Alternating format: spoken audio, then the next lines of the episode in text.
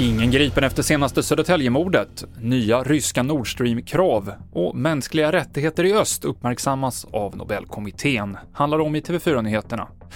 I Södertälje så är ingen ännu gripen efter skjutningen igår kväll, då en 19-årig man dödades och ytterligare en tonåring skadades allvarligt. Och det har nu varit fem skjutningar med tre dödsoffer på kort tid i Södertälje.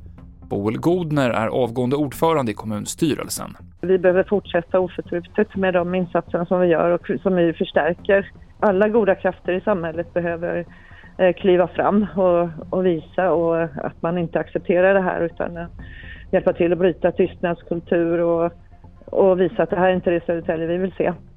Vi fortsätter med Nobelpriset. Årets fredspris går till personer och verksamheter som arbetar för fred och yttrandefrihet i forna Sovjet. Den belarusiske människorättskämpen Ales Bialyatsky, den ukrainska människorättsorganisationen Center for Civil Liberties och den ryska människorättsorganisationen Memorial prisas av den norska Nobelkommittén.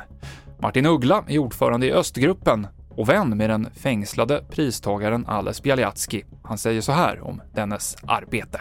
När Alexander Lukasjenko kom till makten i mitten av 1990-talet, då startade Ales Bialyatsky organisationen Jasna som dokumenterade människorättsbrott, hjälpte offren för de här brotten och spred information då, både inom landet och, och internationellt eh, för att för att eh, uppmärksamma det som pågick. Och vad vi såg pågå var ju att Belarus utvecklades till en eh, allt hårdare, brutalare diktatur.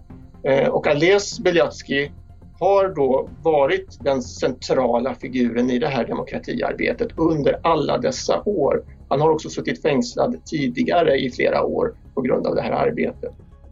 Och mer om alla veckans Nobelpris på TV4.se. Det kommer nya ryska krav om insyn i Nord Stream-utredningen.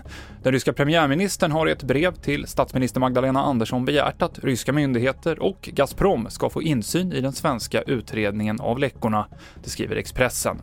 Igår så hävde Sverige avspärrningarna runt ledningarna efter att Säpo blivit klart med sin brottsplatsundersökning. TV4-nyheterna med Mikael Klintevall.